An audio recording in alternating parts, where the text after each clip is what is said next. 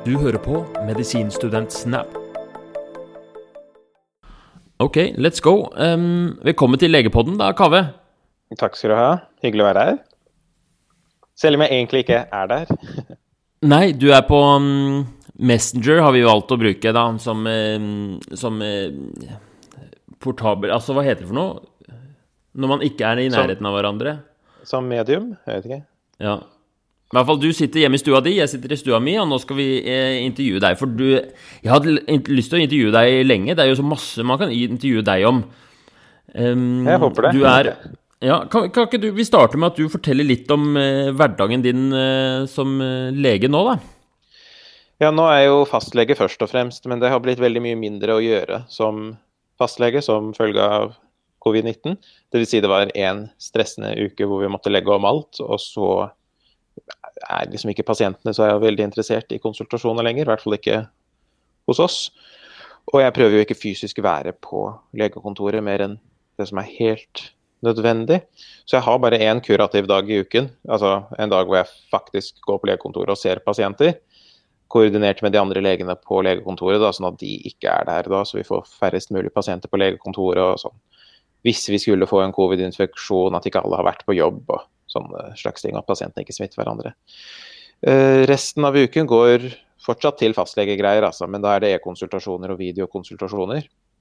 Uh, jeg trives veldig godt med det. da. Det liksom, jeg håper det kan fortsette når dette her er over også. Kjempepraktisk måte ja. å kommunisere på. Uh, mye lettere å gjøre ting liksom, på egne og pasientenes rammer. At jeg like gjerne kan svare søndag morgen når jeg står opp som i den derre åtte til fire-tida.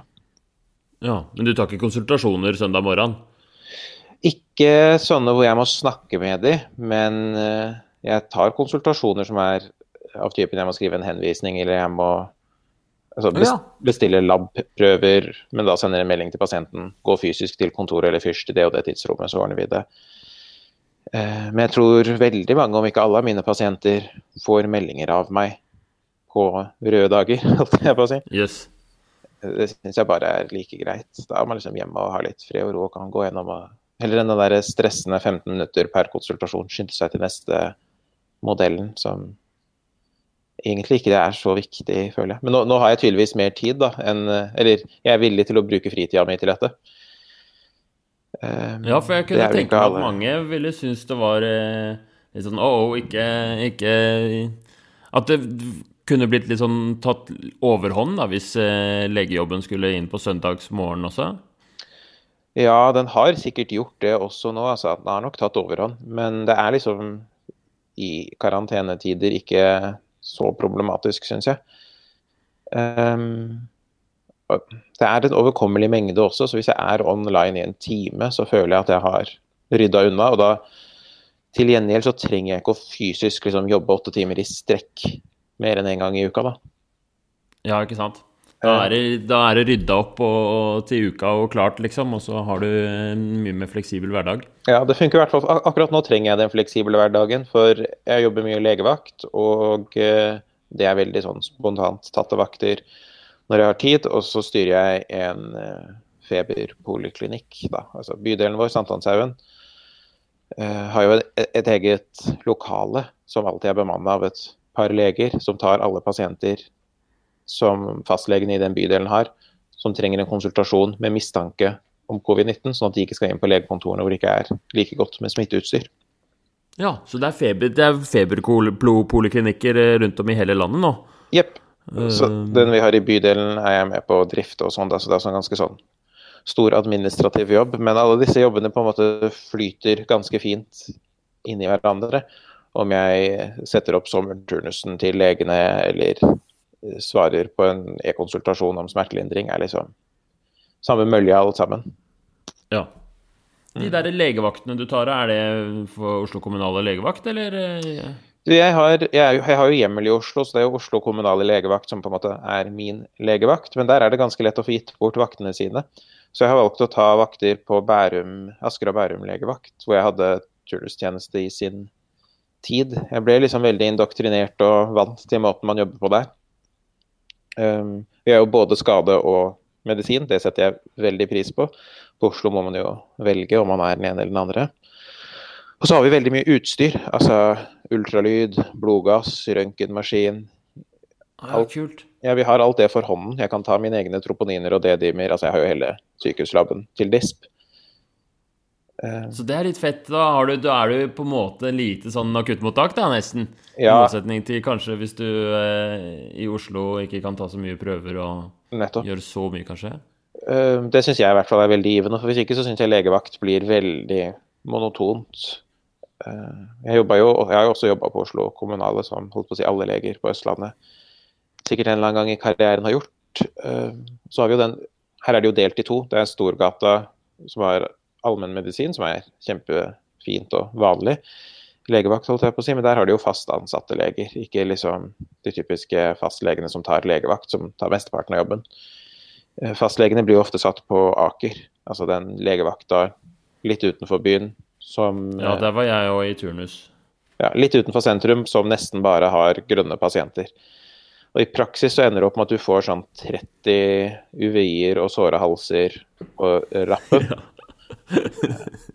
og 95% av de kunne ha venta til fastlegen i morgen. jeg blir så liksom Så det er greit en dag eller to, og det er god inntjening, men det er noe med liksom miljøet og ideologien bak en sånn legevakt som bare er pløye gjennom så fort man kan. Og det er fint at det finnes også, men det er liksom ikke helt noe for meg, da. Ja, du liker litt mer action og litt mer um, Litt mer utfordring? Ja, å bare gjøre ting. Um, altså bare noe så enkelt som å ha en ultralydmaskin, og så er det et eller annet, så kan man sette dem på, så er man kanskje ikke verdens flinkeste, men så får man liksom litt ledetråd, litt hint her og Hva er det du bruker den? Hva er typisk sånn ultralydting du gjør? Jeg har veldig lite erfaring med ultralyd. Nei, det varierer hva man er på. Vi uh, har også håndholdt ultralyd. Også når jeg ikke er så er legevakta også legebil, så vi kjører mye ut til folk. Uh, på hjertestans så er ultralyd veldig praktisk å ha. Pulsløs elektrisk ja. aktivitet, så er det rett på med ultralyd, og, og, det kan jo hvem som helst få til. Bare se at det ja, Hva er det du bruker den da til? Se at det ikke er noe aktivitet igjen. At det bare står ja. helt stille um, i liksom rett før man sier at vi slutter. Ja. Er da, hvor er det du setter den da? Er det Subkostalt ish, pekende oppover.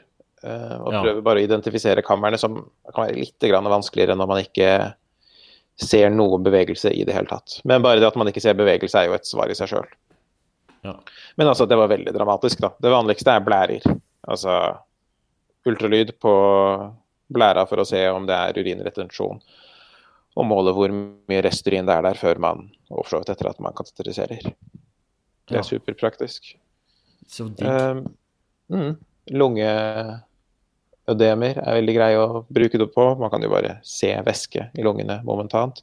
Jeg syns alt av sånn eh, svangerskapsrelaterte ting er superstas å bruke det på, men der har jeg fått litt kritikk av en gynekologkollega av meg at eh, det kan føre til mer bekymring enn glede hvis man ikke veit hva man holder på med. Ja, å drive og som amatør eh ikke gynekolog, da, liksom, og drive og, og, prøve å gjøre ultralyd på svangerskap. Hva er det da liksom at du kan uh, Hva er det som kan by på problemer da? Nei, jeg prøver jo å unngå disse situasjonene, men han mente at et klassisk problem var at fastleger ikke fant noe, og så henviste de med spørsmål om Mr. Borsen eller XU til Gynepol, og at det sånn, nesten alltid er friske svangerskap. Det er bare ikke flink ja, nok allmennlege. Så du setter på en måte en feil diagnose? Ja. Uh, eller du setter en liksom. mm.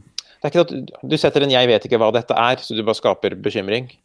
Ja. Uh, legevakt, I legevaktsetting så er det veldig vanlig med blødninger i første trimester.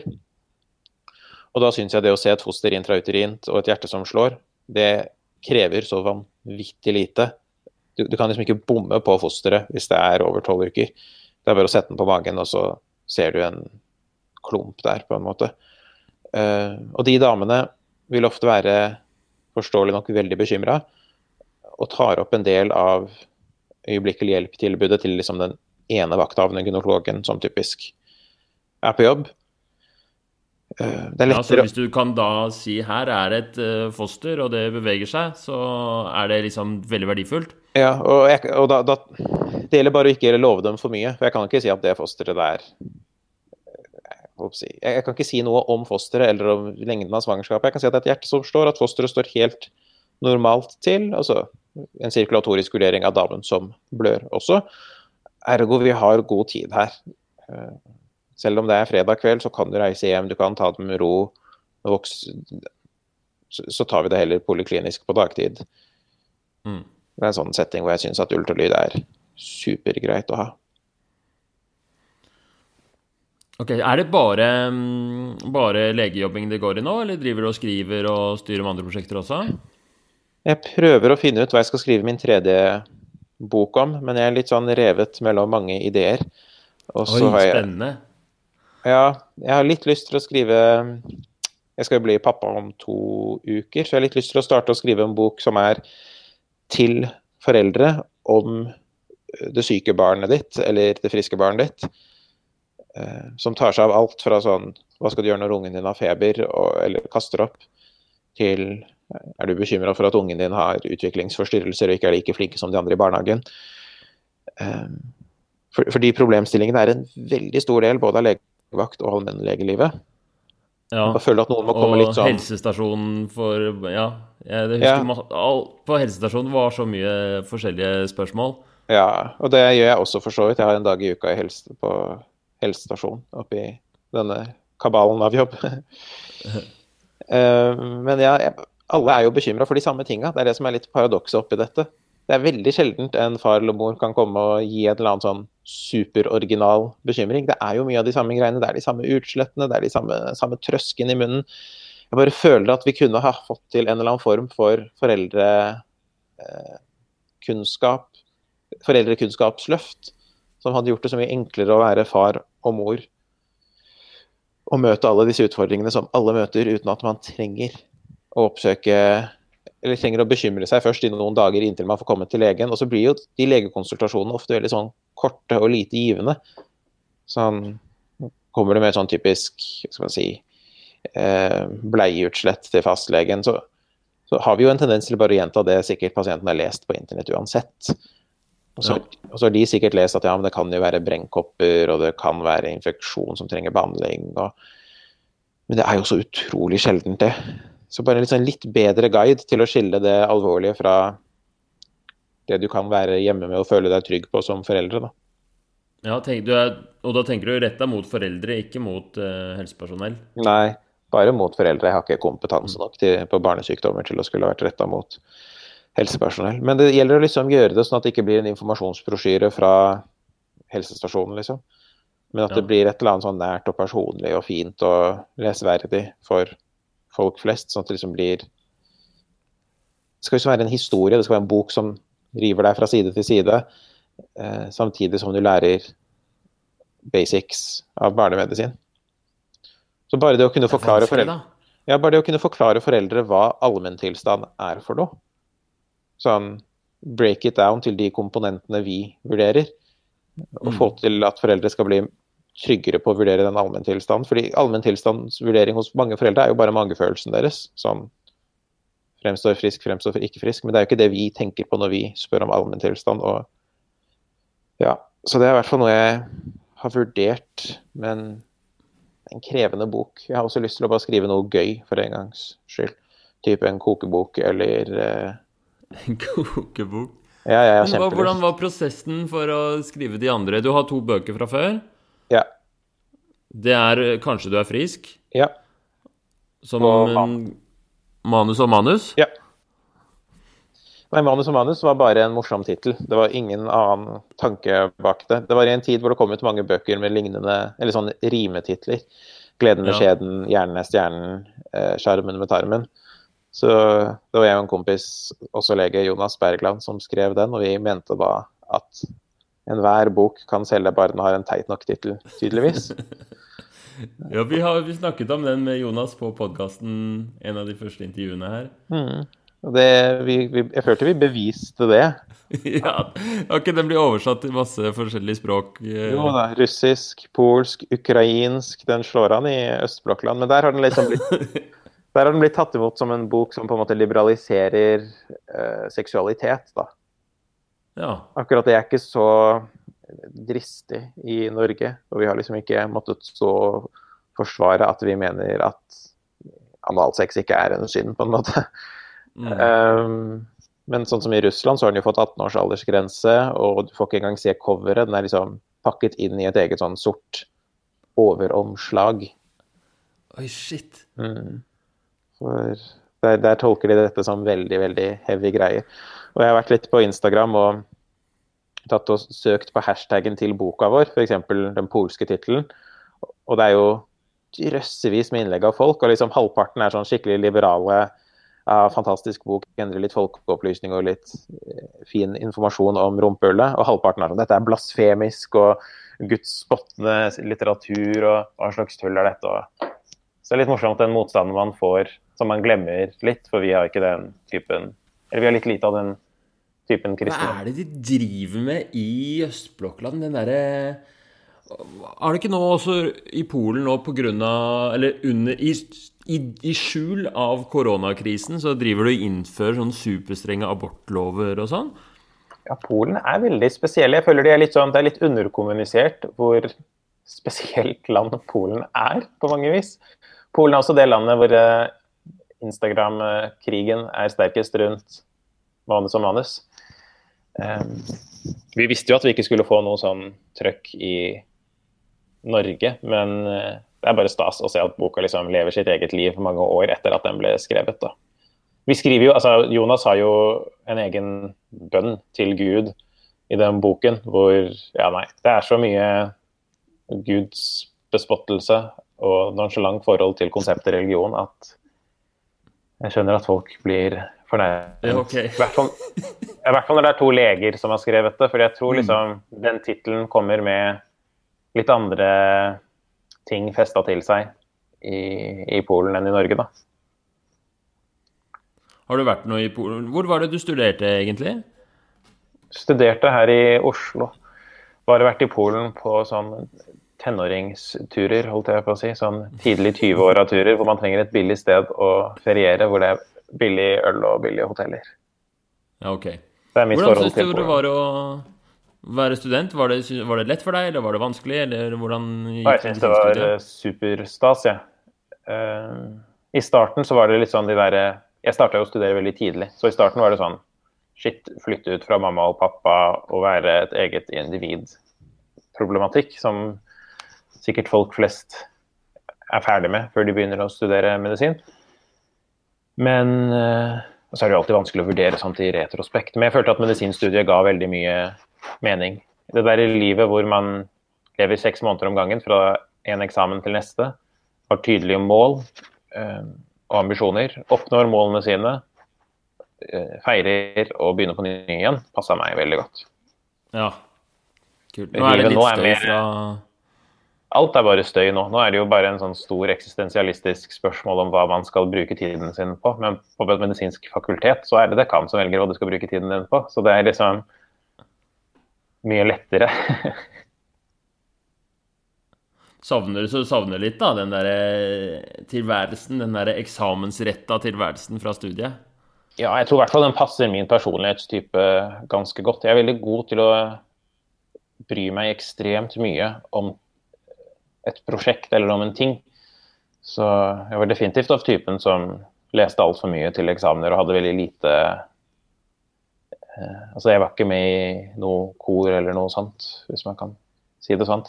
Eh, det passa meg veldig godt i studietida. Og så når det forsvant, så, så, står man litt mer sånn på bare bein. Og igjen, jeg gikk jo rett fra videregående. Skole og eksamener og prøver har liksom vært det jeg har vært god på. Så etter det så blir det litt sånn Shit. Nå er jeg liksom Å bli kasta ut i et svært hav og er en veldig liten fisk. Hvis det er en meningsfylt metafor. Ja, hva er det som har vært det vanskeligste, da, sånn i starten av karrieren? Det er jo bare å finne en retning syns jeg var veldig vanskelig. Ehm, jeg har veldig mye sånn vegring mot å velge ting, sånn generelt sett. Og det å velge en spesialitet er å velge vekk veldig mange spesialiteter. Men derav allmennmedisin, da. Så en slags sånn Innerst inne så føler jeg ikke at jeg egentlig har valgt vekk noe som helst, hvis du skjønner. Ja. Hadde du noen andre favoritter som du holdt på å gå for? Indremedisin er liksom der jeg sikkert hadde Var det litt mye støy fra den mikrofonen din? Uh... Det er bare min skyld. Det er bare som styr... genseren min som driver og surrer. Sånn. Da er mikken uh, snill igjen, holdt jeg på å si. Um, nei, indremedisin hadde jo vært det faget jeg trodde jeg skulle inn i, egentlig. Men egentlig hovedgrunnen til at det ikke ble det, er mer sånn systemspørsmål enn faglige spørsmål. Rent sånn vitenskapelig og interessemessig, så hadde jeg heller vært en indremedisiner uh, og liksom subspesialisert meg i nefronsykdommer, på en måte. Men det innebærer å jobbe på sykehus og leve i et turnusliv som er veldig rigid og veldig sånn lite vennlig for andre ting. Sånn som det livet jeg har levd med å skrive bøker og være mer sånn i mediene. og Det, det krever veldig mye frihet. Altså kunne styre sin egen dag. Ja, og da er det først og fremst med tid å kunne ta seg fri en dag og kunne um, sette av en ja. uke til å reise dit og, på skrivetur, ja. liksom, eller Jepp. Og det gjelder også bare sånn fritid. Jeg setter veldig stor pris på å kunne si at shit, vet du hva, nå er jeg sliten, nå trenger jeg fire dager på fjellet. Nå orker jeg ikke Jeg bare gir bort de vaktene mine på legevakta. Eh, slår av hjemmekontoret i tre dager. Har fire andre leger på legekontoret som liksom er vikar. Altså Det er mye lettere å få til sånne ting. Når man er litt sin egen sjef i allmennpraksis. Så kult. Det, hvordan funker det legekontoret? Er det et, privat uh, legekontor? Uh? Ja, Vi er sånn helt vanlige, holdt jeg på å si. Vi er fire leger som uh, deler på selve sjappa, som på en måte deler på kostnader. Ansetter sekretærer, lokale leie, kjøpe inn CRP-kassetter, altså alt som finnes. Og de tre andre er superrutinerte, har jobba der i holdt på å si, 18-20 år. Jeg starta der ganske nylig, så jeg bare følger og lærer stort sett. Prøver å bidra med noe klokt når jeg kan, men det er vel stort sett med sånn teknologiting at jeg er Det er det eneste feltet hvor jeg kanskje kan ha litt peiling. Eh, altså så når, når dere skulle sette opp av masse videokonsultasjoner og sånn, så kunne du bidra litt? Det var så vidt, altså. Det skjønte alle sammen på egen, egen hånd, holdt jeg på å si. Men det, har du da fastlegehjemmel, da? Hvor mange eh, pasienter har du på lista da? Jeg kjøpte jo en nullhjemmel i nyåret, så jeg har 400 nå. Og Det renner inn, men du har plass til flere? Ja da. Jeg slipper ikke unna før jeg er oppe i en 1200-1500 fra bydelens side. men det er greit, det, altså. Jeg, pasientene som velger meg, er gjerne veldig unge. Jeg tok i dag og importerte de nye pasientene fra april, og det er liksom gjennomsnittlig fødeår er jo sent på 80-tallet. Så ja. jeg har en frisk pasientpopulasjon. Så når jeg i starten av poden snakker om hvordan jeg kan ha én kurativ dag i uka og holde veldig mye digitalt, så er det jo ikke fordi jeg er flink, det er fordi pasientene mine er friske. Ja, nemlig. Kan man styre det, Som fastlege, kan man styre hva slags pasienter du får, på noen måte? Nei. Så det er helt, eh, helt, opp til Det er litt sånn tilfeldig, ja. og sikkert basert på hvor du er og, og, og, hvordan du løser Om du får en hjemmel fra noen andre, eller om du starter som nullhjemmel, sånn som deg. Ja, får du hjemmel fra noen andre, så får du jo den personens pasienter. Så akkurat det er veldig sånn straight forward og enkelt. Men hvem som velger deg Jeg vet at uh, Hva heter den forskningsgruppen i Legeforeningen? Da? De har noen egne studier på dette her, i hvert fall hvor de har funnet at man velger gjerne fastleger som er lik en sjøl, altså samme kjønn, alder. Uh, og det passer jo for så vidt med meg. Jeg har veldig mange unge pasienter, og tror relativt mange menn. Ja. Mm. Unge menn med som kan skrive? Nei, men det, det, også er jo noe jeg merker. Det er jo mange som velger meg som fastlege, og som på en måte introduserer seg på første time som at ja, jeg valgte deg fordi jeg har sett du skriver så mye vettugt i avisene og sånt. Um, så det er jo også en del av det å på en måte være i uh, offentligheten. At folk googler deg og finner ut at du er fastlege, og bytter over. Men hvordan kom du fram til det å, å skrive så mye kronikker og Jeg syns det er stadig vekk at du skriver um, er, det, er, det, folk som spør deg, eller er det liksom fordi Har du drevet og blogga, eller hvordan, hvordan, skjedde det, liksom? At du ble Jeg, jeg tror det starta med at jeg eh, etter turnustjeneste begynte som medisinsk redaktør i tidsskriftet for Legeforeningen, altså vårt vitenskapelige tidsskrift. Og mye av jobben der var jo å lese gjennom andre sine eh, tekster. Og da skulle vi også som medisinske redaktører skrive våre egne ledere. Og så blir det liksom én tekst til flere. Så har jeg på en måte bare innarbeidet meg en viss kunst i den type skriving, da. Men hvorfor sånn ville du jobbe, ta den jobben? Eller det, har du alltid vært interessert i artikler og Spørsmål? Nei. Jeg har jo alltid vært veldig glad i alt som har med sånn tall og tekst og litt sånn skriftlig nerding å gjøre. Um, men hvorfor jeg egentlig søkte akkurat på den jobben, jeg veit ikke. Jeg tror jeg så for meg at jeg skulle være en mer sånn organisasjonsperson. Og så uh, liksom med legevakt på si for å holde vare på det kliniske. Og det kan godt hende at jeg blir det til slutt også. Um, men å bare være det direkte tror jeg ble litt for litt for lite kjøtt på beinet, på en måte. Hva mener du med organisasjonsperson, egentlig? Tenker du å jobbe, drive med politikk og sånn etter hvert, eller? Nei, politikk tror jeg er utenfor eh, Det er liksom den ene tingen jeg tror du klarer å finne som er utenfor mitt interessefelt. Fordi da, da, føler jeg det ikke lenger er vitenskap som styrer valgene, men helt andre interesser.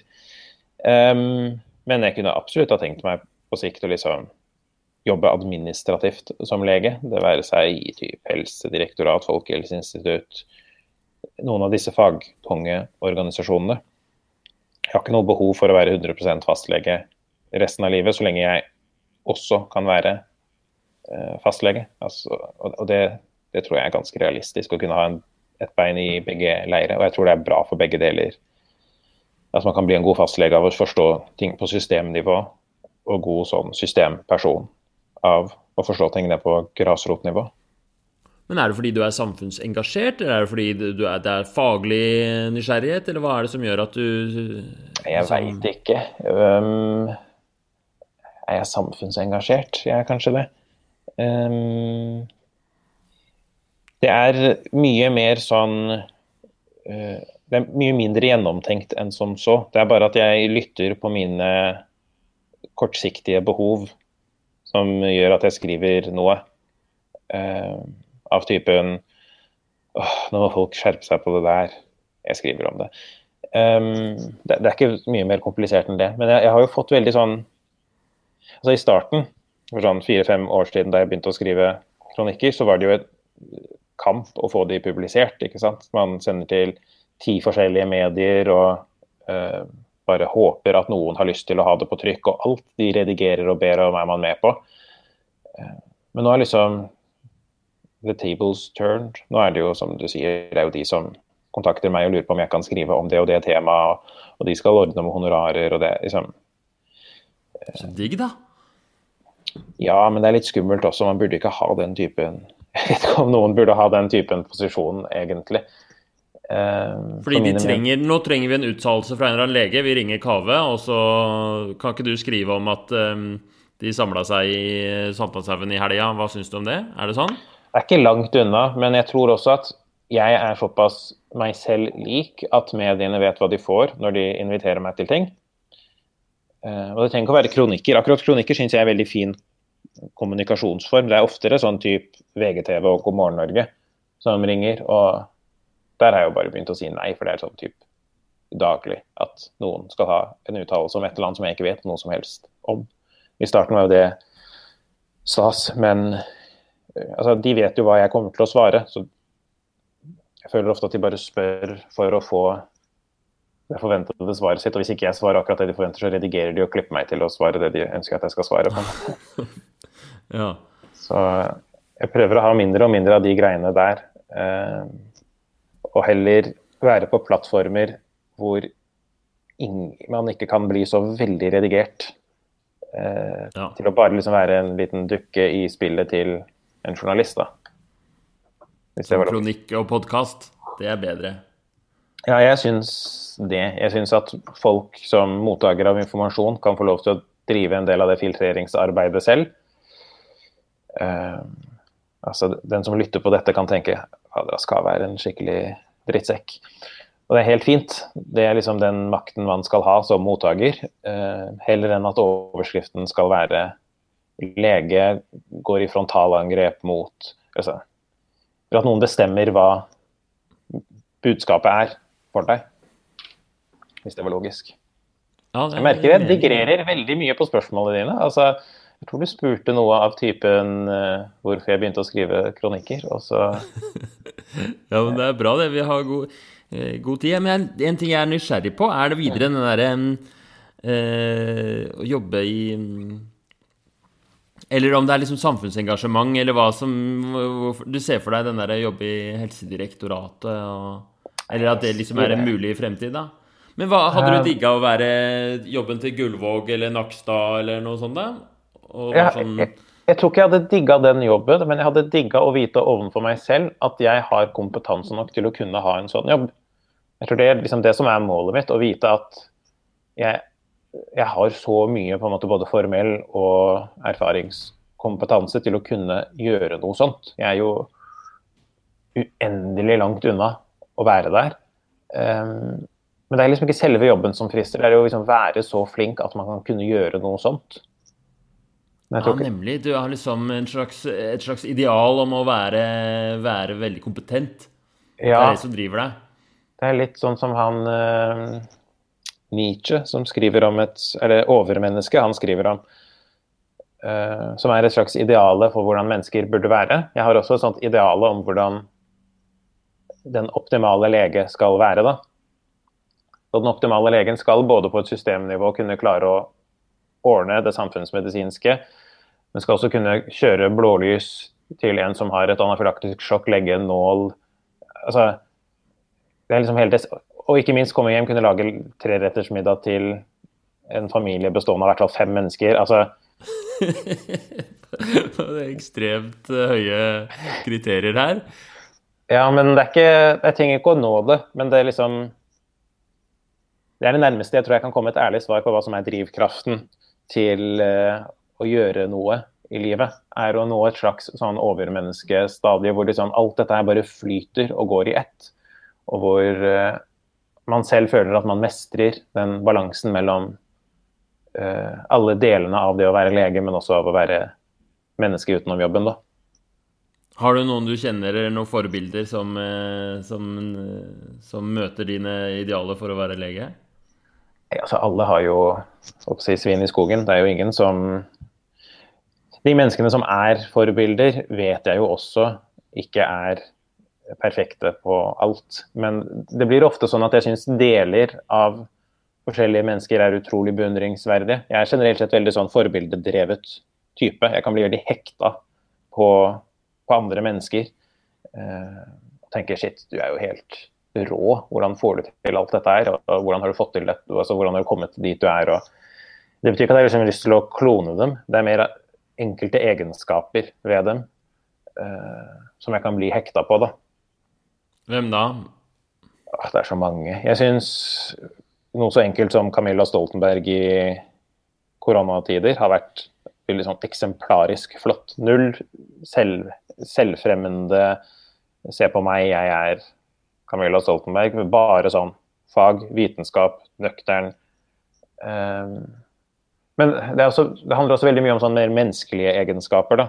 Uh, ikke sånn Altså av typen Jeg har jo blitt veldig godt kjent i det siste med Peder Kjøss, for vi har en eller vi har vært venner fra før, men nå har vi begynt med en podkast sammen. Og da blir det jo researchmøter, innspillinger, Eh, foredrag sammen. Så jeg møter han psykologen, altså Peder Kjøss fra liksom Jeg mot meg og ja, noen NRK-serier og podkaster og litt forskjellig. Men da når jeg liksom ser måten han er overfor andre mennesker, og liksom problemstillinger som eksisterer, hvordan noe enkelt kan dukke opp, og hjernen hans går over til et sted hvor min hjerne ikke i det hele tatt var, så blir jeg veldig sånn Shit, ass. Sånn det, Sånn burde jeg vært mer. Han er så vilt interessert i mennesker og i liksom hva som gjør at vi er som vi er. og Alt går over til en sånn eksistensiell Men hva gjør at mennesket oppfører seg på den måten? Han er, han er så klok på en måte jeg skulle ønske jeg var. Så det er liksom sånn jeg er forbildedrevet. Da. Og da prøver jeg neste gang jeg møter en som i mine øyne ville jeg, jeg tenkt ah, et rasshøl. Og ikke tenke det, men å heller tenke hvilke liksom, drivkrefter er det som gjør at vedkommende oppfører seg sånn. Hva er, hva er det som gjør mennesket i stand til å være sånn? Ja. Ok, Så han har sånn, det er nesten sånn der menneskesyn han har, eller en sånn måte å være på som er veldig fin, da, som eh, Ja, og han er veldig interessert ja, det... i mennesker generelt, og det syns jeg er en veldig fin ting å være. Altså å virkelig bry seg om menneskets natur uh, i individperspektiv også, ikke bare sånn på overordnet system og kategorisering av folk, men sånn hvorfor er du sånn her? Hva, hva er det som driver deg til å gjøre det du gjør? Uh, ja. Tror du vi... Det sånn type om du tror du vi leger har, har, har, lett til å liksom Eller tror du det er vanskeligere for oss å holde Eller å få til det? På en eller annen måte? I, det er i hvert fall vanskeligere for meg. Møter, man møter jo så mange pasienter, og så kategoriserer man folk veldig fort. Uh, ja.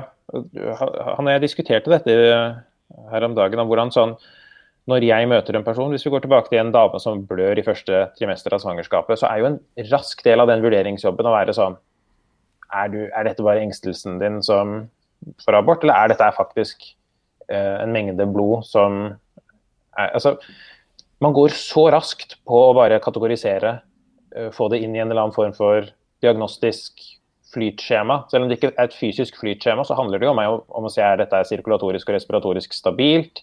Er det truende XU? Altså, alt er liksom kategorisert. Veldig sånn indoktrinert i at folk skal liksom være i en eller annen boks. Mm. Uh, jeg tror det gjennomsyrer oss som mennesker også, at vi kan bli mindre sånn interessert i uh, den treige måten Peder tenker på, holdt jeg på å si.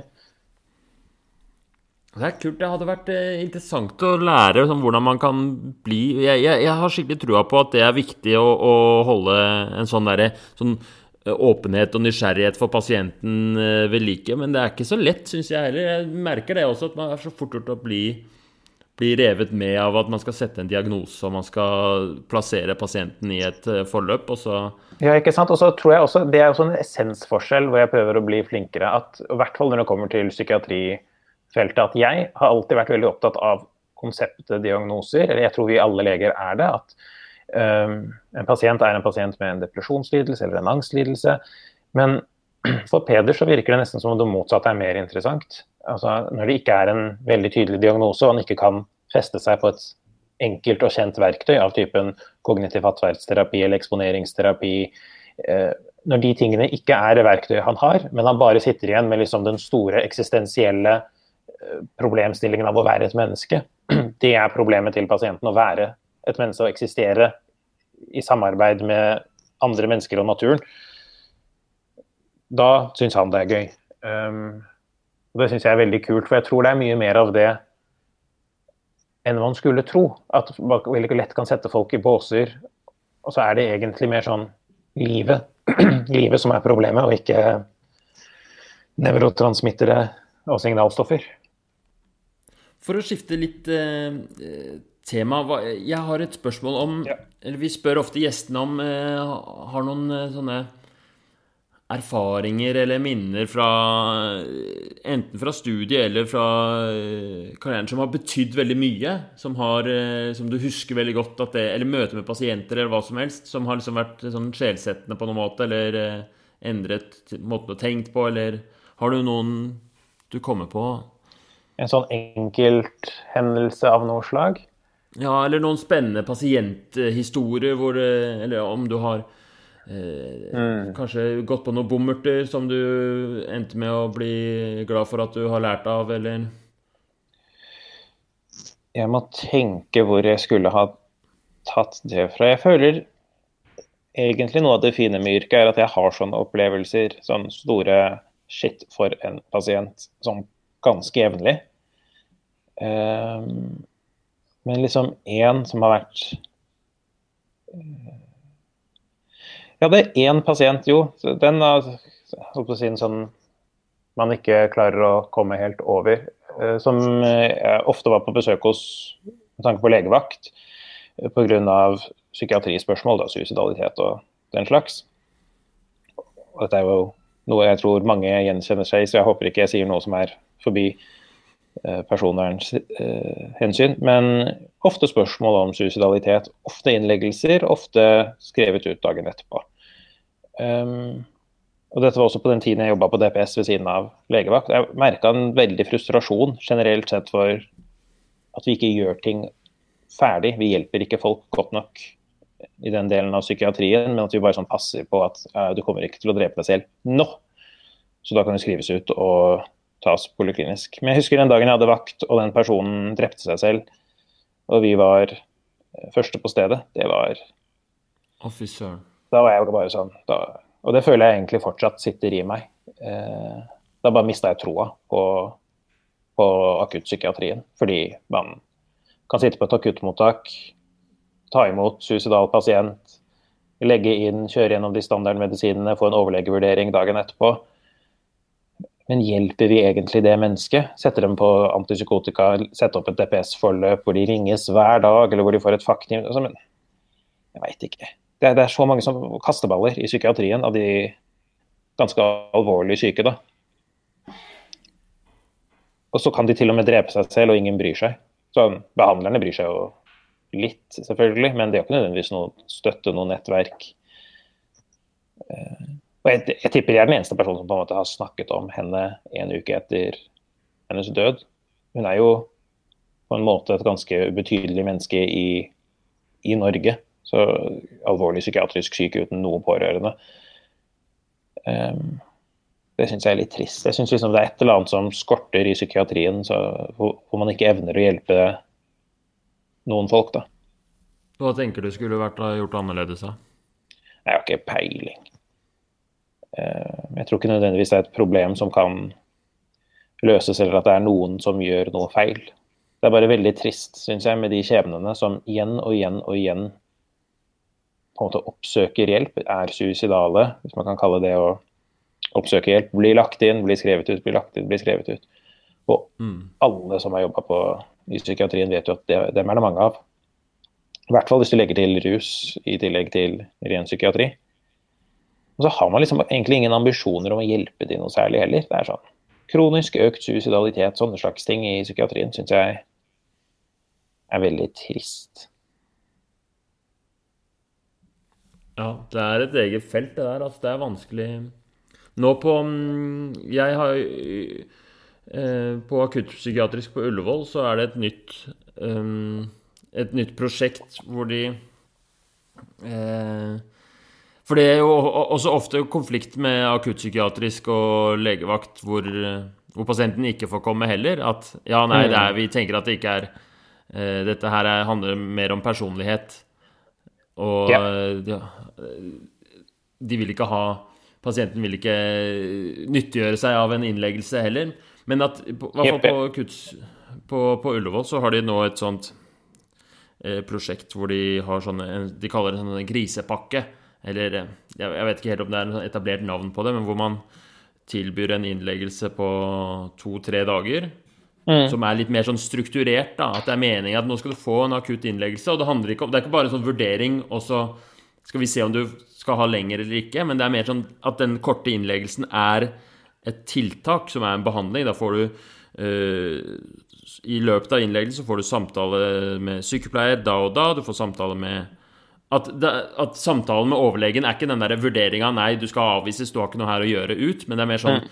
Mer fokus på at det lille oppholdet er en slags sånn stabilisering og behandling, da. Mm. Heller um, jeg, tror, jeg tror, det har noe for seg. Jeg har fått ganske gode sånn tilbakemeldinger uh, foreløpig. At man i hvert fall har en slags, slags konkret plan til akkurat de der kasteballene. Som mm. sannsynligvis ikke hører i Har kanskje ikke godt av en lang innleggelse i, akutt, i akuttpsykiatrien heller. Eller liksom hører ikke hjemme Vil ikke ha nytte av å være på dikemark, eller passer ikke med ressursene, eller hva Men istedenfor at det i hvert fall blir den derre inn og så kasteballfølelsen, da. Så Ja. Det er liksom et eller annet som trengs der, sånn som det tiltaket du beskriver der, ja. Bare sånn for å ha litt mer verdighet over det hele. Er det, tror du det er mye frustrasjon, eller mye sånn konflikt mellom eh, legevaktsleger og, og psykiatri spesialisthelsetjenesten? Ja, vi har jo alle vært på begge sider av de telefonsamtalene hvor man i primærhelsetjenesten ønsker å legge inn, men spesialisthelsetjenesten er lunkne. Jeg har vært på begge sider av den, for å si det sånn. Um, jeg forstår problemet.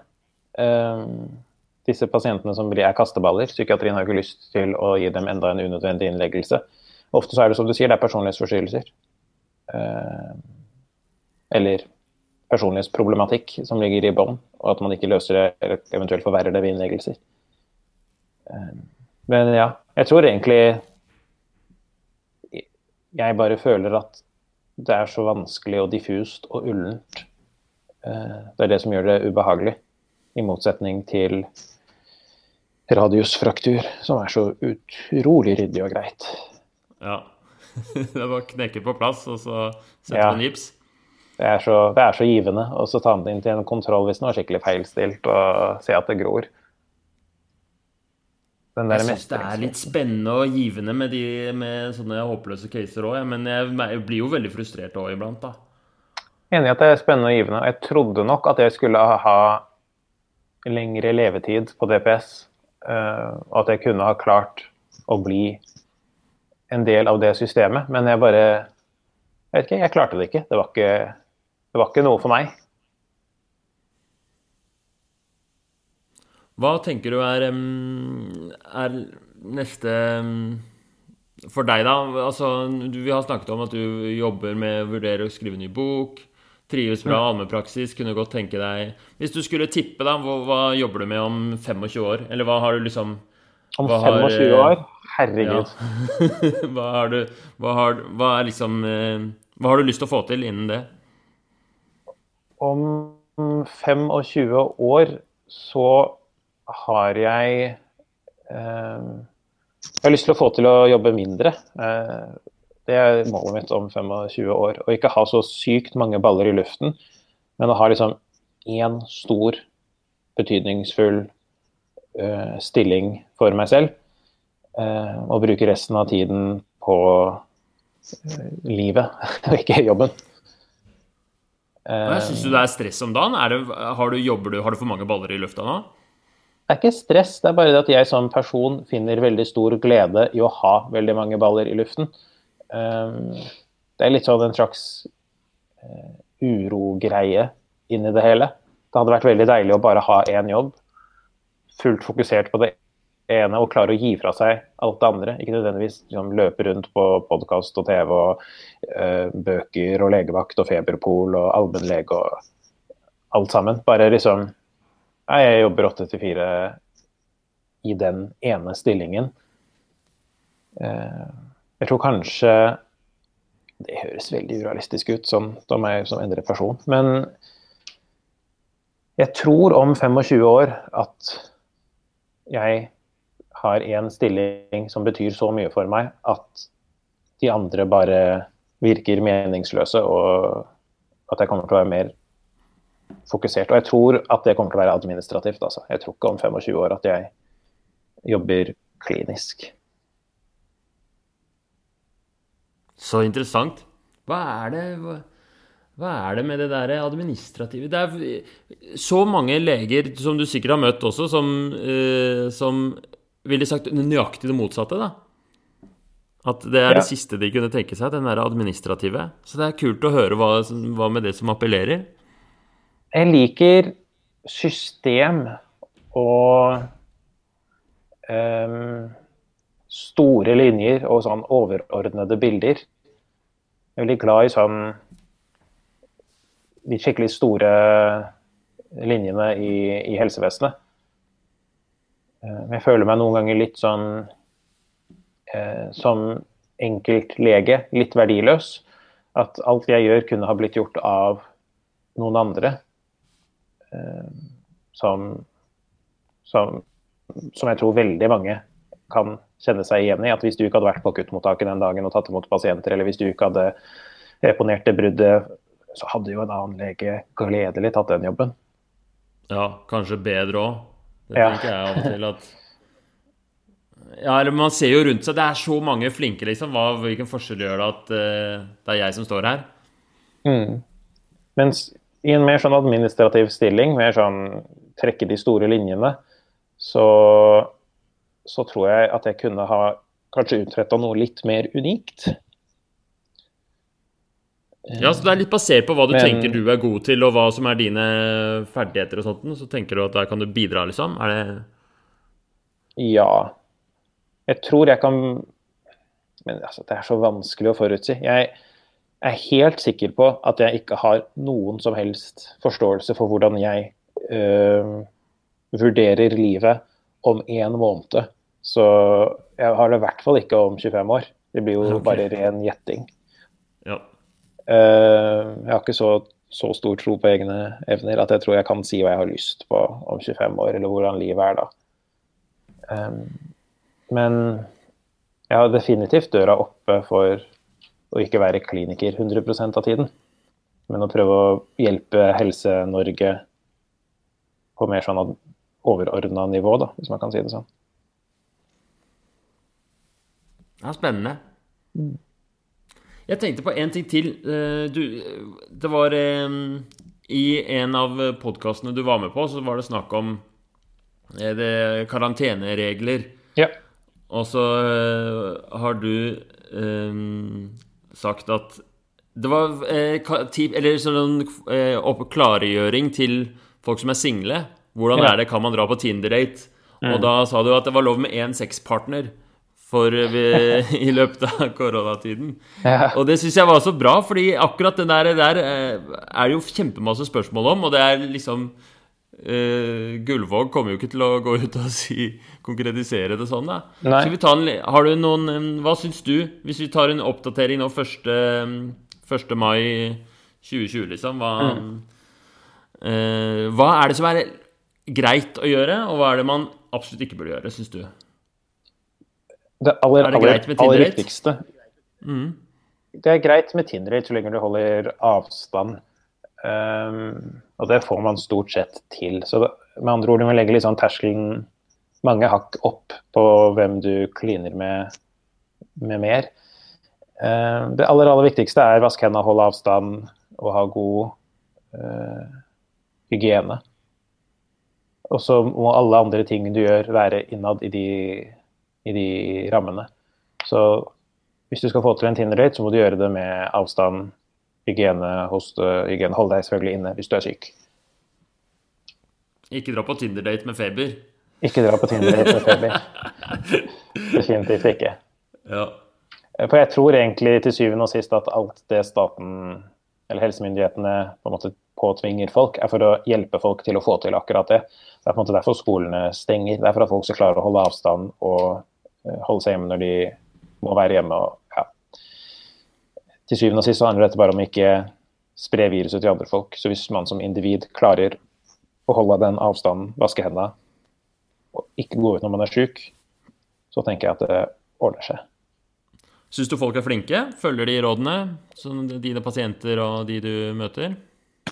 Ja, jeg syns som befolkning at vi er flinke. Men det er gøyere, tror jeg, for veldig mange og mer uh, intuitivt å lete etter alt som er feil, heller enn å uh, rose det som er positivt. Men jeg tror det er litt sånn som med når man uh, prøver å disiplinere hunder, ja. at det funker bedre å gi premie til god oppførsel enn å gi kjenn til de som ikke følger reglene. Ja, det blir bra. Jeg også tenker vi er flinke, altså. Jeg er så stolt av eh, på, Nå er det jo sikkert masse man kunne gjort annerledes, og mye vi ikke veit, men det er så kult at eh, det er så At, eh, at folk leverer så bra. Holder seg hjemme og Enig. Har du noe til slutt noe sånn Det er jo ganske mange medisinstudenter og unge leger som hører på. Har du noen tips? Hva mm, hva ville du gjort annerledes hvis du skulle gjort studiet på nytt og turnus og sånn? Nei, ikke, ikke hør på andre sine tips. Tipset mitt. okay. Gjør det som føles riktig for deg sjæl. Um, det er ikke noen andre som opplever verden som du gjør det. Så hvis jeg skulle ha tipset om at reis til Lofoten og få en stor opplevelse, altså kanskje det ikke er noe for deg. Prøv å finne din egen uh, måte å møte verden på, heller enn å føye deg til en eller annen oppskrift skrevet av noen andre. Finn, finn ditt eget overmenneske. Men det er ganske interessant at du sier det, for det er mye sånne oppskrifter og sannheter knytta til, til legeyrket. At f.eks. det du sier av 'reis til Lofoten'. At det er Jeg syns absolutt alle, særlig blant studenter, sier det. Ja, men jeg vil jo helst ha turnus på et lite sykehus, for det er bedre. Så det har blitt en veldig sånn etablert sannhet. Mm. Eh, som ja, ikke nødvendigvis Vi har ikke gått av for mange sånne etablerte sannheter om hva det vil si å være en god lege, i alle fall. Jeg tror vi bør tilstrebe å være en heterogen gruppe, fordi pasientene våre er ekstremt heterogene. Så bare prøv å ikke ikke være en annen sin oppskrift på suksess. Fy søren. Tusen takk. Jeg tenker vi avslutter med det. Tusen takk for at du har stilt opp og brukt eh, arbeiderdagen på å være med på podkast. Det setter jeg pris på. Takk for at jeg fikk komme. Kjempehyggelig å prate. Da eh, ønsker jeg alle lyttere en god dag videre. Takk for nå. Vi er Medisinstudentsnap. Følg oss på Instagram. Der har vi quiz hver dag og mye annen medisinsk moro. Ha det bra!